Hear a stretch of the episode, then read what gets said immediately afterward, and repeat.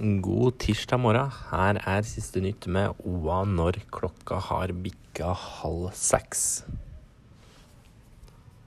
I 2001 døde Bent Tomtum av kreft, bare 52 år gammel. Ved sykesenga hadde sønnen Bent Ture holdt ut, men da det begynte å nærme seg slutten, ville han ikke mer. Han reiste seg og gikk. Jeg hadde vært der døgnet rundt i flere måneder og så hvilken vei det måtte gå, men da jeg for alvor så hvor det bar hen, så fegga jeg ut og reiste hjem igjen. Da orka jeg ikke være der, sier Bent Ture til OA. Han angrer på at han forlot faren ved sjukesenga, og mer om denne historien kan du lese på oa.no nå. Gjøvik svømmeklubb de må avlyse sitt storstevne Fjellsvøm, hvor det var venta 250 deltakere til helga.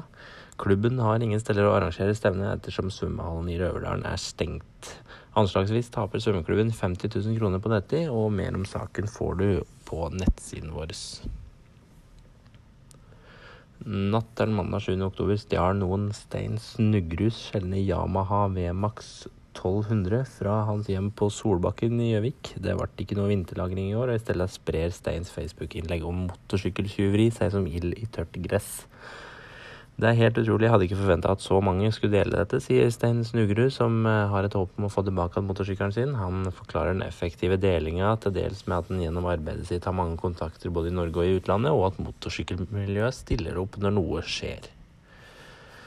Klikk deg for øvrig inn på wall.no for mer eh, stoff og nyheter utover morgenen. Vi vil bl.a. Eh, komme med oppdateringer om eh, voldsepisoden på Kapp hvis det er noe derfra. Ha en fortsatt fin tirsdag.